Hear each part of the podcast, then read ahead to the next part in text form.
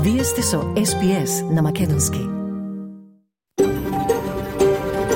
SBS, a world of difference. You're with SBS Macedonian on mobile, online and on radio.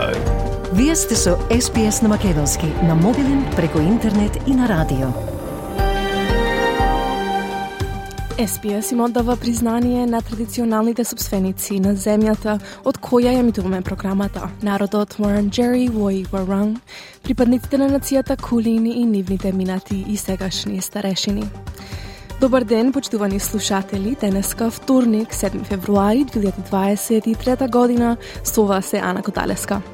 И денеска, вообичаено, со најновите вести од земјава и светот, ќе се осврнеме на најактуалните теми во моментот но нема да го изоставиме и извештајот од Македонија, каде меѓу другото, председателот Стево Пендаровски вели дека односите помеѓу Софија и Скопје се влошуваат и дека состојбата била смирена по прифаќањето на преговарачката рамка на Европската Унија за Македонија, но роденденот на Гози Делчев бил искористен од бугарската страна за кревање на тензиите. Од домашните теми подетелно за 12 корпорации за фосилни горива, именувани како одговорни за речиси 300 милиони тони штетни емисии, како и за драматичната оставка на сенаторката Лидија Торп од Зелената партија. И зашто треба да се размисли кога се посвојува Милениче. Пообширно на таа тема, подоцна во програмата, во разговорот со Сузана Талевски од непрофитната организација The Lost Dogs Home од Мелбурн. Но најнапред следуваат најновите вести со колешката Радица Бојковска-Димитровска. Радица повели. Благодарам, ана. Во денешниот билтен над 3000 загинати по двата земо, земјотреси што ги погодија Турција и Сирија, во Турција прогласена седмодневна национална жалост. Турција добила понуди за помош од 45 земји, меѓу кои и НАТО и Европската Унија а македонски спасувачи со кучиња трагачи се напад да се вклучат во пронаоѓање на преживеани во Турција.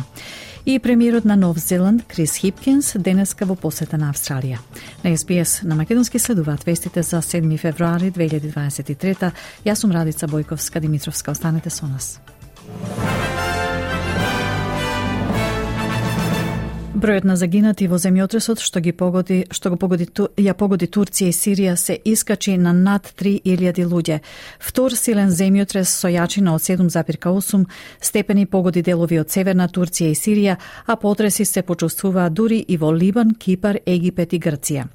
Спасувачките операции се се уште во тек, додека луѓето бараат преживеани под урнатините. Студените зимски услови ја зголемуваат маката на илјадниците повредени и луѓето без покрив над главата и ги попречува напорите да се најдат преживеани. На телевизиските канали и на социјалните мрежи кружат слики од згради кои се уриваат.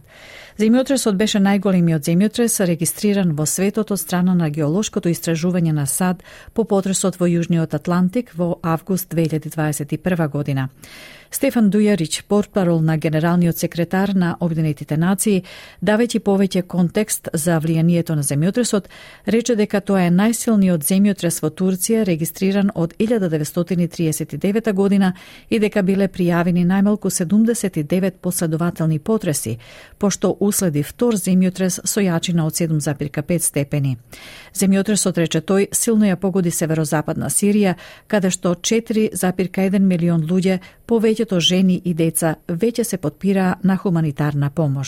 This is Turkey's most powerful earthquake recorded since 1939, and that at least 78 aftershocks were reported, following by, followed by a second earthquake of 7.5 magnitude. The earthquake has uh, heavily impacted northwest Syria, where 4.1 million people, most of them women and children, were already relying on humanitarian assistance.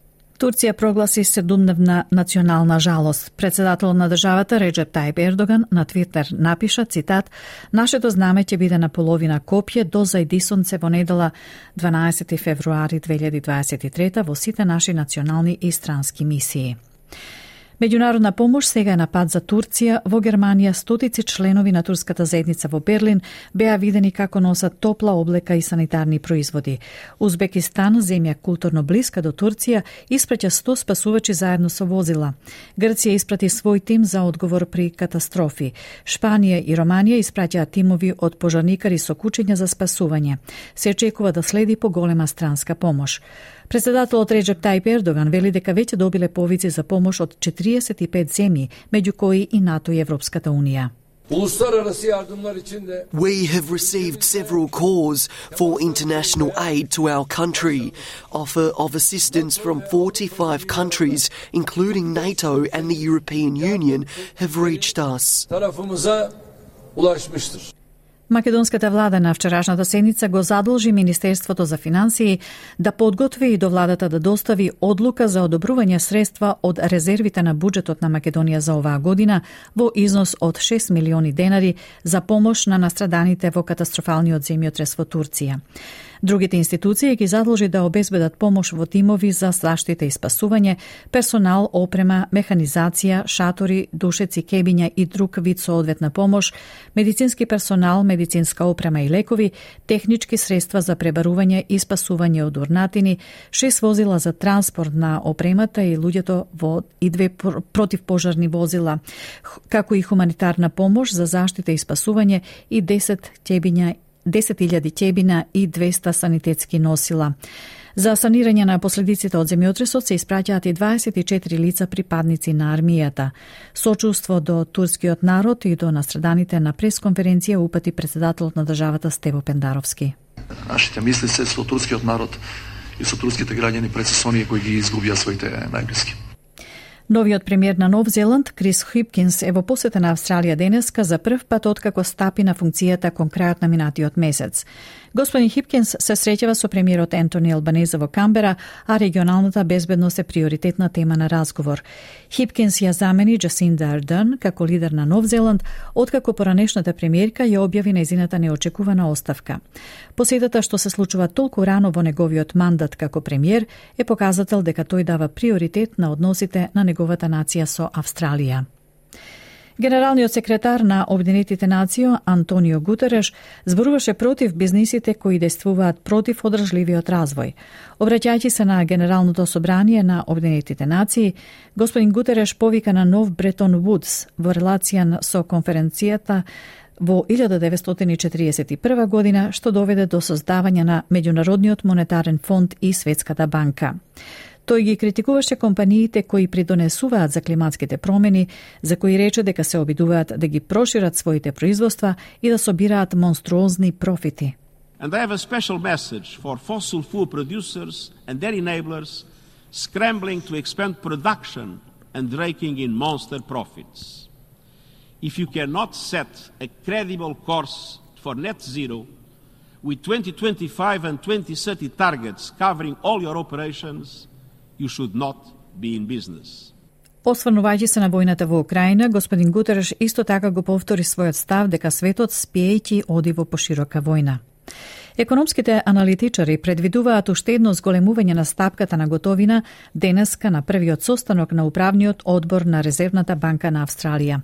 Тоа доаѓа по зголемувањето на инфлацијата во Австралија во текот на декемврискиот квартал во 2022 година. Благаникот Джим Чалмерс вели дека и покрај политичките и економските предизвици во 2023 сепак е оптимист за статусот на економската перспектива на Австралија. I hope that we're showing that there is a better way in the fight against inflation and in the battle of ideas at the same time. Now, we're realistic about the political and economic challenges that we face together in 2023 as we navigate the peril and polycrisis confronting us. But we are optimist, optimistic as well. I'm optimistic about the future. Министрите за трговија на Австралија и Кина се состанаа вчера виртуелно, додека сојузната влада се залага за обновување на нормалните трговски односи меѓу двете земји. Во последниве години Кина, како одмазда за повиците на поранешната сојузна влада за истрага во врска со потеклото на COVID-19, воведе трговски санкции, што ја чине Австралија 20 милиарди долари. Министерот за трговија Дон Ферел вели дека овие санкции треба да бидат укинати делумно, бидејќи тие и наштетија не само на Австралија, туку и на Кина. Trade has not proceeded as smoothly, um, and we believe that's been to the detriment of both countries. I'm confident that our discussions today can provide a pathway towards the restoration of unimpeded trade. Виртуелната средба помеѓу господин Фарел и неговиот кинески колега Ван Вентао се очекува да доведе и до средба лице в лице. Австралија бара продолжување на диалогот меѓу Соединетите Американски држави и Кина.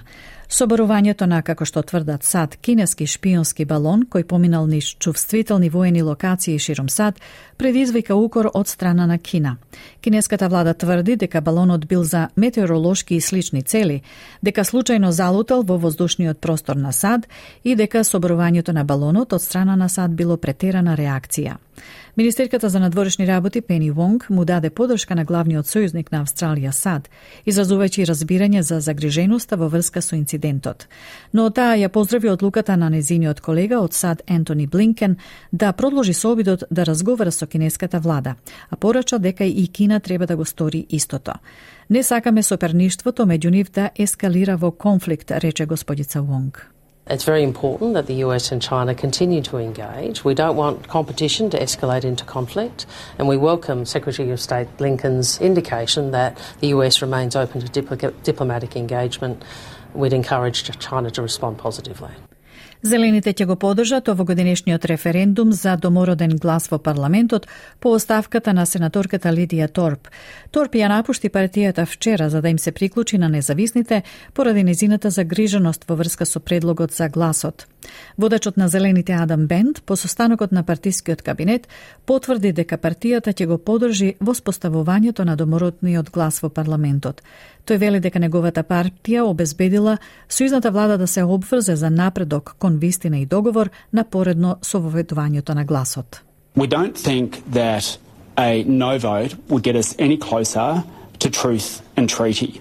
Voting yes in the referendum for a strong First Nations voice will be a step towards First Nations justice.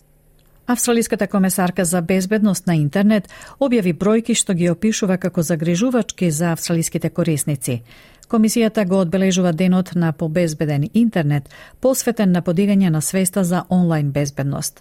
Истражувањата покажуваат дека 75% од возрастните во Австралија имале барем едно негативно искуство на интернет во изминатата година, што представува зголемување од 30% во споредба со нивото пред пандемијата во 2019 година. Комесарката за онлайн безбедност Джули Инман Грант вели дека најчесто станува збор за примање несакана содржина, како што е порнографски или материјал со насилство, навредливи имиња или злоупотреба на лични информации, како што е споделување на фотографии без согласност. Нешто помалку од еден од тројца возрастни изјавиле дека нивните негативни онлайн искуства влијаеле врз нивната емоционална и ментална благосостојба, а околу еден од секои шест лица изјавиле дека тоа влијало и врз нивното физичко здравје. Комесарката Грант ги повика луѓето да се однесуваат одговорно на интернет и да пријавуваат случаи на злоупотреба.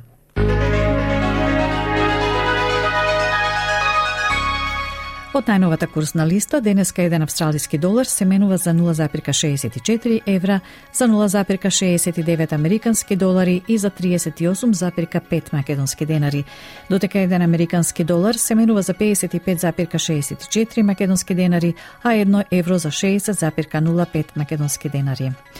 Еве со и временската прогноза за главните градови за утре, среда 8 февруари. Перт сончево, максималната ке стаса до 31 степен. Аделаид сончево, максимална 33, Мелбурн делумно облачно 24. Хобарт облачно 19, облачно и за Камбера максимално 23, Сиднеј краткотрени и слаби врнежи 27, Бризбен делумно облачно 29, Дарвин повремени врнежи со услови за бура 33 и услови за дожд за Алис Спрингс со максимално до 35 степени.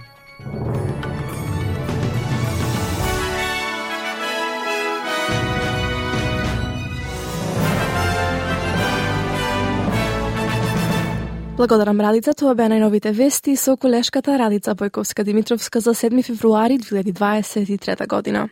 Останете со нас по неколку промотивни пораки продолжуваме со актуелности од Македонија. На СПС радио на македонски јазик денеска сова се Ана Коталеска. Во извештајот од Македонија, меѓу другото, ке слушнеме. Македонија испраќа итна помош во Турција по катастрофалниот земјотрес. Председателот Стево Пендаровски оценува дека македонските институции биле на ниво на задачата на 4 февруари при чествување на роденденот на Гоце Делчев. Унгарската председателка Кетлен Новек разговарала за македонско-бугарските односи со бугарскиот председател Румен Радев. ВМРО ДПМН оценува дека односите меѓу Македонија и Бугарија никогаш не биле полоши. И бугарскиот министер за надворешни работи Иван Демернджиев бара нова средба со министерот за внатрешни работи Оливер Спасовски. Повеќе од нашиот редовен известувач од Македонија, колегата Бране Стефановски.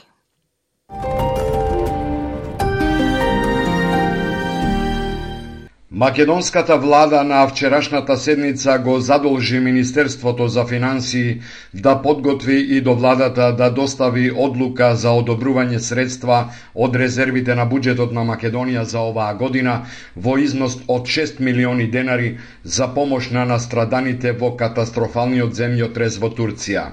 Другите институции ги задолжи да обезбедат помош во тимови за заштита и спасување, персонал, опрема, механизација, шатори, душеци, ќебиња, грејни тела и друг вид соодветна помош, медицински персонал, медицинска опрема и лекови, технички средства за пребарување и спасување од урнатини, шест возила за транспорт на опремата и луѓето и две противпожарни возила хуманитарна помош за заштита и спасување и 10.000 ќебиња и 200 санитетски носила. За санирање на последиците од земјотресот се испраќаат вкупно 24 лица припадници на армијата. Сочувство до турскиот народ и до настраданите упати председателот на државата Стево Пендаровски. Тоа го соопшти на пресконференција. Нашите мисли се со турскиот народ и со турските граѓани пред се кои ги изгубија своите најблиски. Двајца македонски ученици се повредени во серијата земјотреси што го погодија јужниот дел на Турција. Едниот ученик има скршеница, а вториот е со полесни повреди. Ученикот на кого му била извршена хируршка интервенција е подготвен за патување и заедно со групата ќе биде упатен назад во Македонија. Македонските власти имаат информација дека во загрозениот регион има 9 мина македонски државјани, 8 мина ученици и нивниот ментор кои учеле во Турција. Председателот на Советот на град Скопје Трајко Славевски свика итен состанок на координативното тело на Советот со цел разгледување на сите можности за испраќање хуманитарна помош за областите во Турција и во Сирија. До синоќа немаше информација каква и колкава помош ќе испрати градот. Председателот на Движењето за национално единство на турците во Македонија Ердоган Сарач изразувајќи сочувство за загинатите, вели дека постојано е во комуникација со пријателите, а најмногу со студентите кои учат на универзитетите во Гостивар, Штип и Скопје. Има многу наши студенти кои студираат во Гостивар и во Скопје, а сега се на работа во овие погодени подрача. За среќа немаме од меѓу ними настрадани, меѓутоа има од фамилиите кои се е, жртви на овој тип на земјотрес. Сарач вели дека многу граѓани уште вчера утро само иницијативно се организирале за било какви донации. Имаме доброволци кои сакаат да бидат присутни нама, доколку има потреба да се приклучат за овие единици за помош и за изнаоѓање на евентуалните останати жртви или преживеани во овие урнати. Сочувство за катастрофата до турскиот народ упатија премиерот Димитар Ковачевски, министрите Оливер Спасовски и Славјанка Петровска. Телеграми со сочувство до турскиот народ упати и опозицијата. Председателот Стево Пендаровски и председателката на Унгарија Катлин Новак, која вчера престојуваше во официјална посета на Македонија, положија венци на гробот на македонскиот револуционер Гоце Делчев во црквата Свети Спас во Скопје. Предходно Пендаровски во председателскиот кабинет со церемонија со највисоки државни и воени почести ја пречека гостинката, а посредбата одржаа заедничка пресконференција. Пендаровски рече дека односите меѓу Скопје и Софија се влошуваат и дека состојбата била смирена по прифаќањето на преговарачката рамка на ЕУ за Македонија, но роденденот на Гоце Делчев бил искористен од бугарската страна за кревање на тензиите. Според председателот Македонија на 4 февруари покажала како се однесува една европска држава, а ситуацијата на границата беше, како што вели тој, кристално јасна. Сите оние кои влегува од Бугарија во Северна Македонија и сакаа да отидат на гробот на Гоце Делчев, тоа им беше овозможено. Оние кои се обидоа да ја нападнат полицијата, се разбира заработија прекршечни пријави и депортација од нашата земја. Секоја европска држава го прави тоа на идентичен начин. Че нека ни се јави еден граѓанин на Република Бугарија на кој му било одбиено да влезе во Република Северна Македонија и одаде почит на гробот на Гоце Делчев, се разбира, освен на оние кои правеа проблеми и има, зашто има и видео и видео снимки. Пендаровски им испрати порака и на бугарите во земјава дека го избрале погрешниот пат, односно дека се жалат во Брисел наместо да ги бараат своите права ако мислат дека им се загрозени од македонските институции. Председателот не планира средба со бугарскиот председател Радев, а за последната декларација што ја усвои бугарскиот парламент, тој рече. Ова се унилатерални декларации кои до овој момент не добиваат подршка од никого во Брисел, се разбира дека нема ни да добијат. Унгарската председателка Катлин Новак рече дека за македонско-бугарските односи и за пречките на македонскиот пат кон ЕУ пред само 4 дена разговарала и со бугарскиот председател Румен Радев. Имав цел да се запознам со двете страни и со нивните размислувања и интереси и сакаме да придонесеме долгорочно да ги отстраниме сите пречки во натамошниот процес на евроинтеграцијата, рече Новак. Новак се огради и не сакаше да го коментира азилот на поранешниот премиер Никола Груевски во Унгарија. На новинарското прашање како поранешен македонски функционер кој се наоѓа на црната листа на САД и се гони за корупција и криминал доби азил во ЕУ членка, таа одговори дека тоа е во рацете на правосудните органи на Унгарија и дека е задоволна што тоа не влијае на добрата соработка меѓу двете држави. Синоќа поседницата на извршниот комитет на ВМРО ДПМН е Партијата соопшти дека оценува дека односите меѓу Македонија и Бугарија никогаш не биле полоши, зашто се базирани на постојани тензии, уцени и условувања. За таквите уцени кои немаат крај е виновник владата на Ковачевски, која спротивно на барањата на македонските граѓани се согласи и ја овозможи на Бугарија да може да поставува нови и нови барања, се вели во сообштението од ВМРО ДПМН е по седница на извршниот комитет на партијата.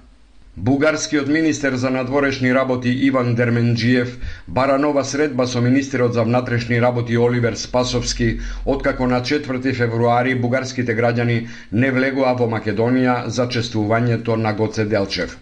Ја поддржуваме комуникацијата, но сакам македонската страна да разбере дека патот кон добрососедските односи и патот кон Европа минува преку дејства, а не на зборови, изјавил Дерменџиев за бугарските медиуми. Тој вчера на Македонија и испратил три генератори за струја, што ги најави по положувањето цвеќе на гробот на Гоце Делчев, како одговор на тврдењето на македонските власти дека проблем за пуштањето на бугарските граѓани на границата е паѓањето на системот за контрола на преминот ДБ Баир, кој 4 часа беше во прекин. Министерот на МВР Оливер Спасовски телефонски разговарал со Дерменџиев за најавената донација и побарал детална истрага за каменувањето на македонскиот клуб во Благоевград. МВР соопшти дека Спасовски добил уверување од бугарскиот министер дека се преземаат сите мерки за расчистување на случајот. Од Македонија извести колегата Бране Стефановски. Пред да се осврнеме на останатите содржини, ве поканувам да ја посетите нашата Facebook страница SPS Macedonian или нашата веб страница sps.com.au косцртичка Macedonian. Таму ќе најдете новинарски содржини кои нашата редакција ги подготвува на теми кои се однесуваат или се во интерес на македонската заедница во Австралија. Како што се македонска култура, културно наследство, спорт, музика, политика, македонски јазик и слично. Таму, меѓу другото, ќе го најдете прилогот за победата на Алтона Меджик Вардар на Масо Куп 2023. Како и разговорот со историчарот Ник Анастасовски, основач на богата онлайн архива за македонците во Австралија. На СПС на македонски денеска сова се Ана Коталеска. Во извештај на Советот за климата, 12 корпорации за фосилни горива се именувани како одговорни за повеќе од 287 милиони тони штетни емисии од 2016 година. Наодите ја засилуваат дебатата околу законската рамка на сојузната влада, која гарантира дека најголемите емитери во Австралија играат улога во исполнувањето на националните климатски цели. Да слушнеме повеќе во прилогот на Стефани Корсети за SBS News.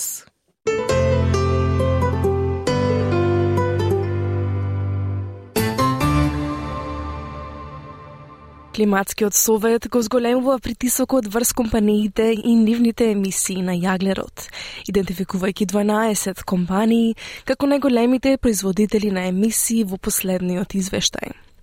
Така наречените Dirty Dozen се Chevron Австралија, Woodside Energy, Anglo-American, Santos, BHP, Glencore Coal, Inpex, Shell Австралија, Canoco, Phillips, South 32, ESO Австралија и Centennial Coal. Шефот на застапување во Советот за клима, доктор Дженифер Рейнер, вели дека извештајот ги издвојува овие компании поради нивната улога во еколошката криза. Таа вели дека овие загатувачи досега поминале без последици и време е тие да ја одиграат својата улога кога станува збор за заедничките национални напори за намалување на емисиите. And we think that these big polluters have had a free ride on their pollution for far too long. And it's time for them to pull their weight in our shared national effort to cut emissions. we simply won't be able to meet, or ideally from a science perspective, beat Australia's national emissions reduction target or take real action on tackling harmful climate change if the 12 companies in this report don't pull their weight. Се проценува дека од околу 200 компании, 12 корпорации се одговорни за 40 од емисиите регулирани од механизмот за заштита. Според механизмот за заштита, неголемите австралиски емитери на стакленични гасови мора да го граничат нивото на нето емисии под одредена граница. Суизната влада се консултира како дел од реформи на механизмот за заштита, за да ја помогне на индустријата да ги намали емисиите во согласност со климатските цели на Австралија. Тоа е законска рамка која вклучува 30 од националните емисии. Но доктор Рейнер ја повикува владата да ги зајакне нацрт поставките за големите компании кои се одговорни за повеќе стакленични гасови.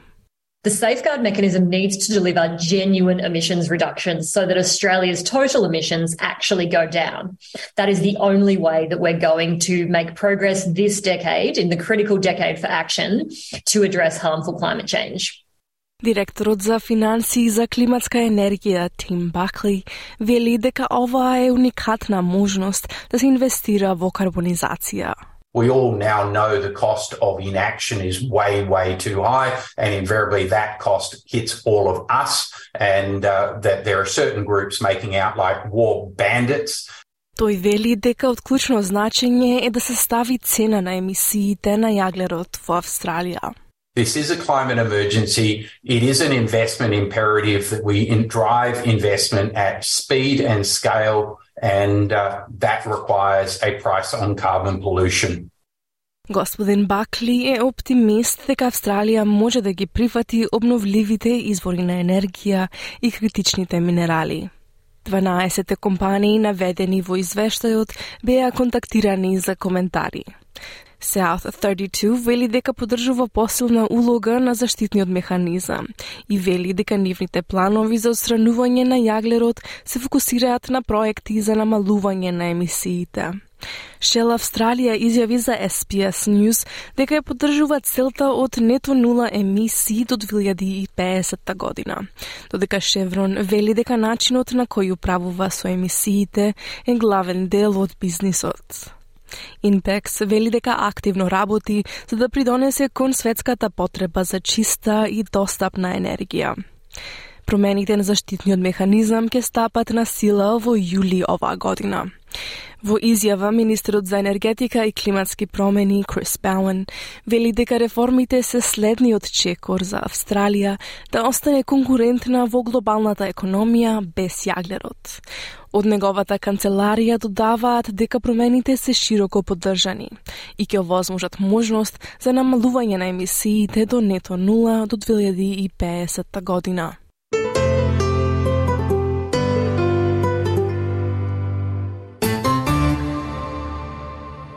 А сега да се осврнеме на уште една актуелна тема. Домородната политичарка Лидија Торп вчера драматично ја напушти Зелената партија, откако се скара со незините колеги во врска со референдумот за глас во Уставот. Тоа доаѓа напоредно со првиот ден од сојузните парламентарни седници оваа година, што премиерот го искористи за да повика на единство за гласањето на референдумот. Подетално во прилогот на SBS News од Еймен Багдади и Ана Хендерсон, што на македонски го подготви колешката Радица Бојковска-Димитровска.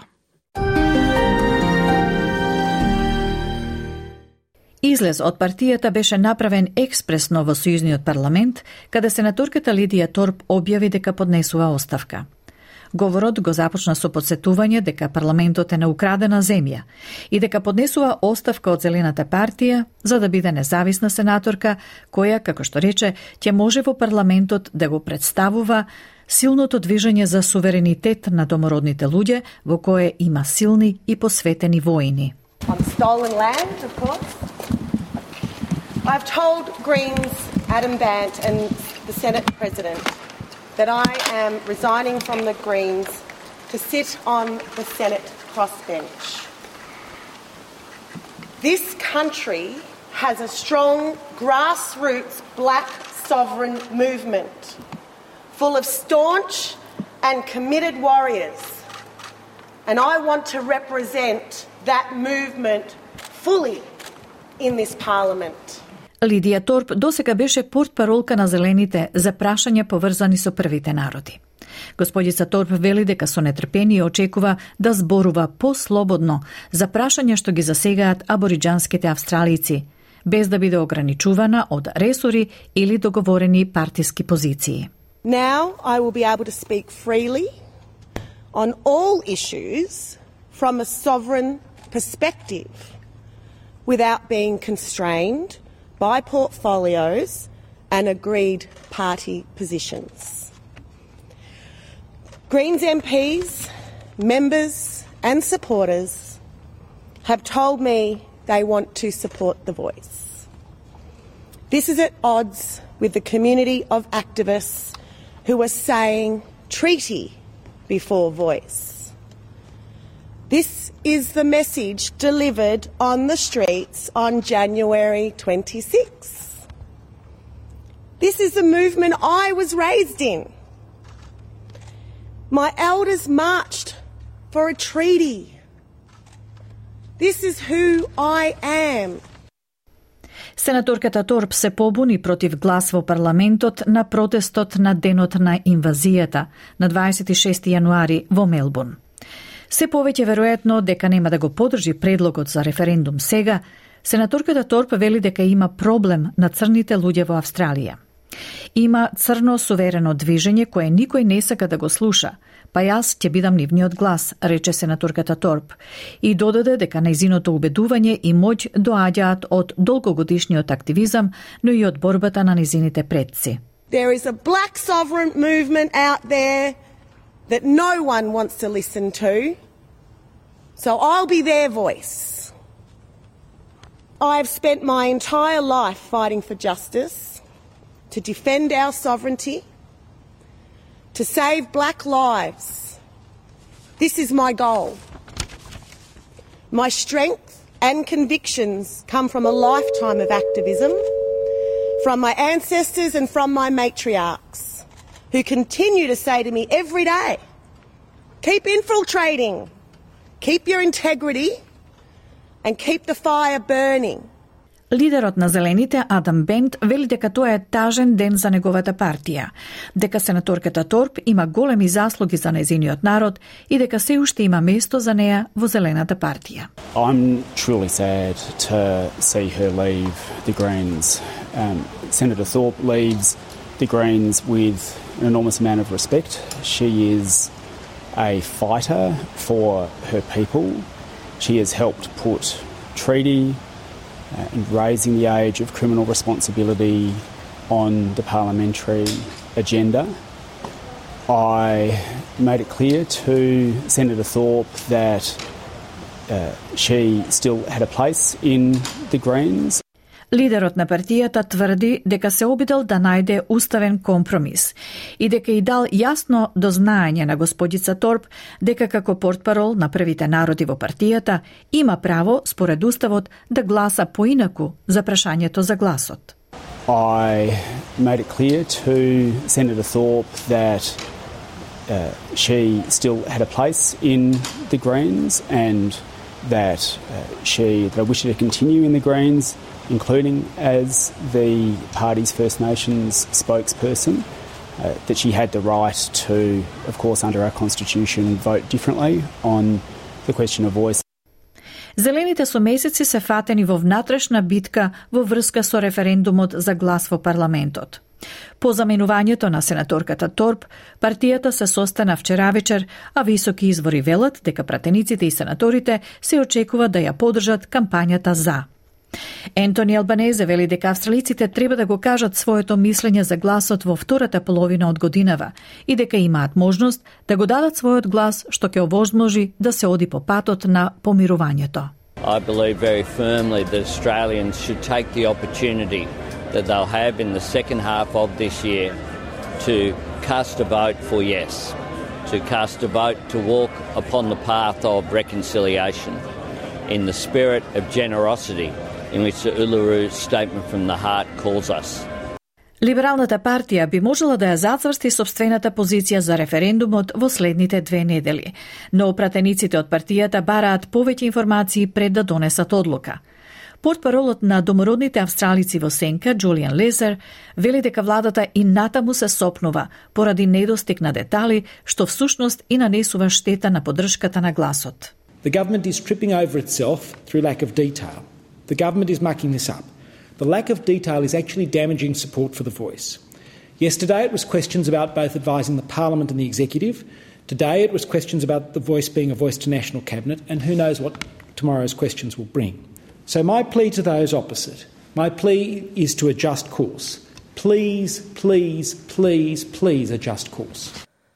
Тоа беше прилогот на Еймен Багдади и Ана Хендерсон, што го подготви колешката Радица Бојковска Димитровска.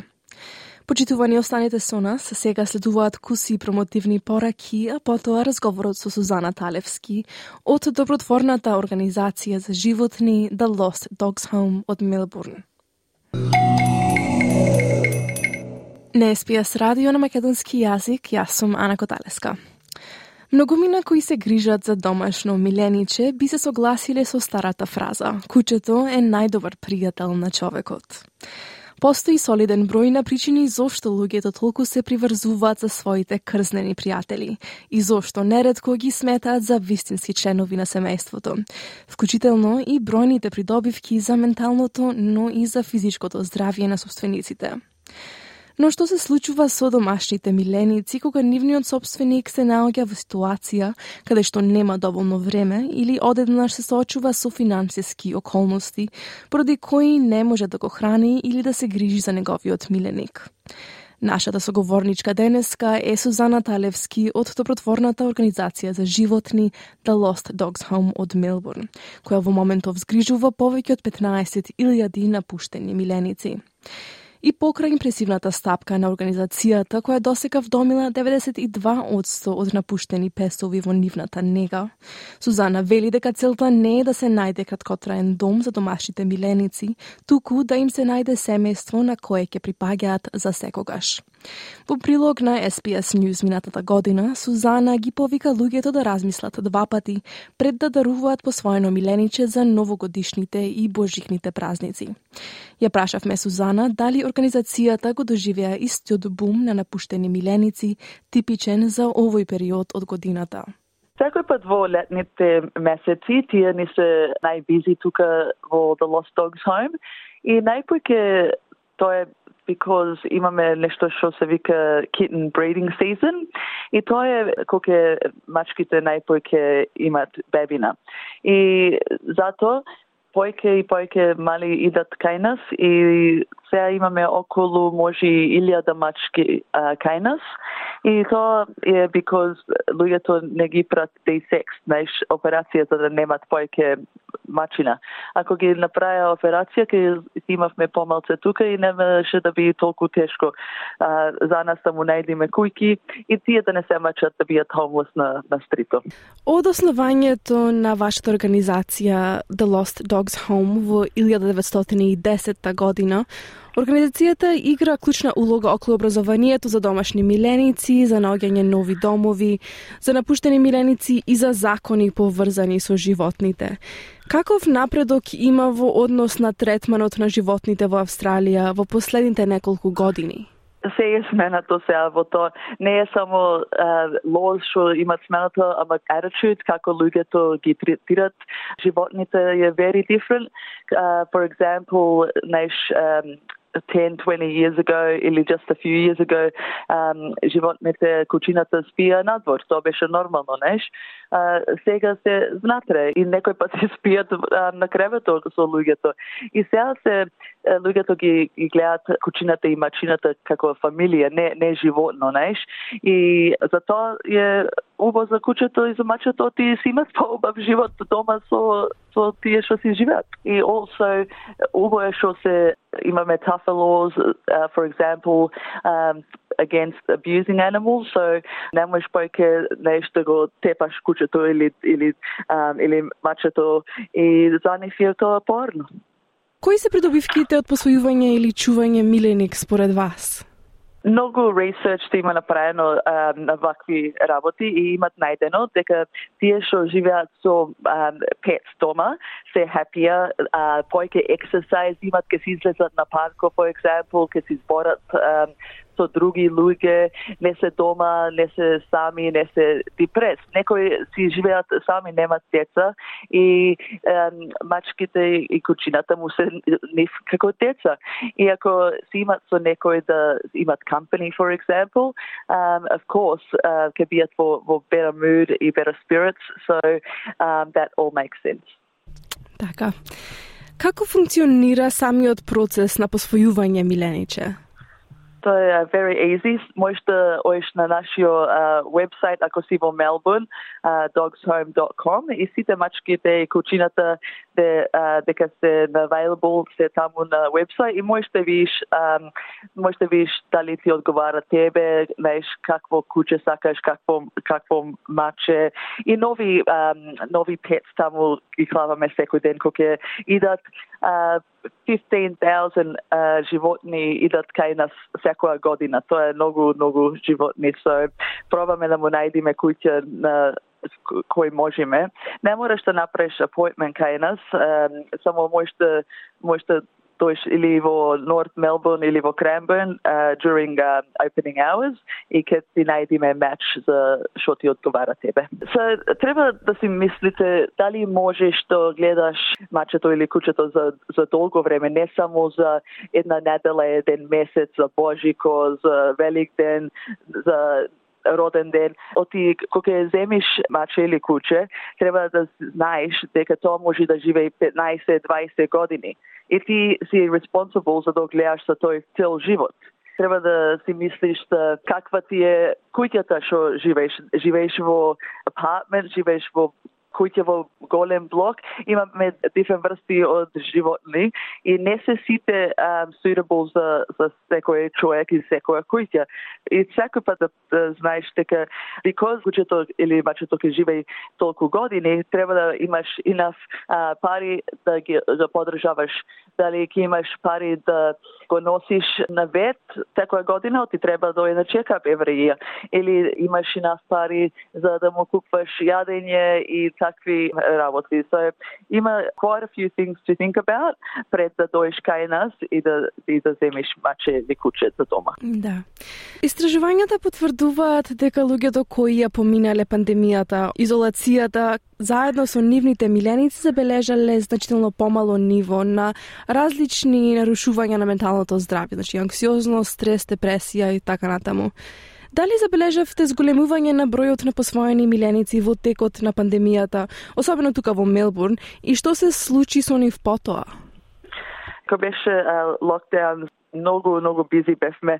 Најпојке animals ги задоја од може 10 години кога беше кога бевме во локдаун. Некој кучина 300 applications само за едно за едно куче добивавме. Ама сме happy да, да ти кажеме дека most да кучина стил се дома и не и вратија. Ама некој некој се вратија, yes, ко луѓето беа слободни да да се пак на работа. А, и затоа пак да му речем на тие што слушаат денес да се мислите carefully и да знаете дека не е нешто како decision да направите денес и да си осмениш умо утре. А ние пак ќе вратиме кучето ќе си земеме назад, ама не е убаво. И тие си имат душа и е жално кога ги гледаме да се враќат. Да, сигурно не е добро ни за нив, но и за вработените гледат истото милениче назад. Дали забележувате раст на бројот на луѓе кои не може да го чуваат своето милениче поради зголемените трошоци за живот во моментов или во последниот период? Најкопа да, така гледаме дека а, луѓето не можат појке да гледат и немат толку пари што има, не можат да се ранат сами и, и кучето и, и мачето. Најпојке гледаме дека а, тие постарите луѓе може што се на пензија, што немат толку пари, тие најпојке страдат со такви работи и животните што и враќат и тие се постари, знаеш, и тоа е жално кога е куќето старо и, и си не знае куќата појке и се му е во strange environment и после пак треба да почни поново. Ама definitely cost of living, што вика тука во Австралија, е big, big issue за луѓето со animals. Така. И на самиот крај, Која е вашата порака за слушателите кои размислуваат да посвојат или да купат милениче? Ние сакаме најпојке животни што можеме да му најдеме кујки. То, то ни е најпрво за тука што работиме во The Lost Dogs Home. Ама, кога сјој кучето или мачето од кај нас, неки ме добиме пак, оти сакаме да знаеме дека си живеј uh, во Happy Home, знаеш? So, uh, a pet кога ја земиш, велиме is forever, not just for a few months. Не е како да шопинг, знаеш, да купиш да купиш круши, а, јаболка, да ја крај, клаиш во фризата и после да речиш а, овие не, не ме бендистват појке. Ова е душа со срце, со feelings и за тоа да знаеш и да се мислиш пред да дојш тука и ако си happy со се тоа и, и знаеш дека ќе осакаш forever и ќе можеш да му а, даеш убав живот, please ако сте во Мелбурн, дојдете на вебсайт dogshome.com или дојдете on site и, um, и ќе ве хелпаме да си најдете тој perfect match. Тоа беше разговорот со Сузана Талевски од The Lost Dogs Home од Мелбурн, кој подоцна ќе можете да го најдете на нашата веб страница sbs.com.au козацртичка Macedonian и на нашата Facebook страница SBS Macedonian. А со тоа, почитувани слушатели, се приближуваме кон крај на денешново издание на SPS на Македонски за 7 февруари, па да подсетиме на некои од главните настани на денот.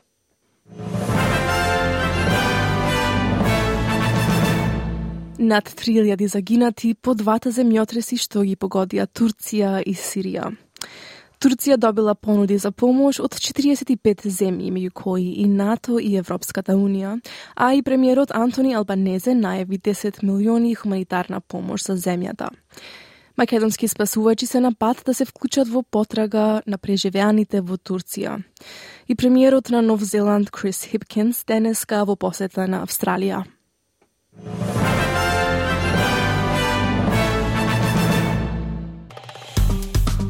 Stisnite mi se dopaja, komentirajte. Sledite ja SBS na makedonski na Facebook.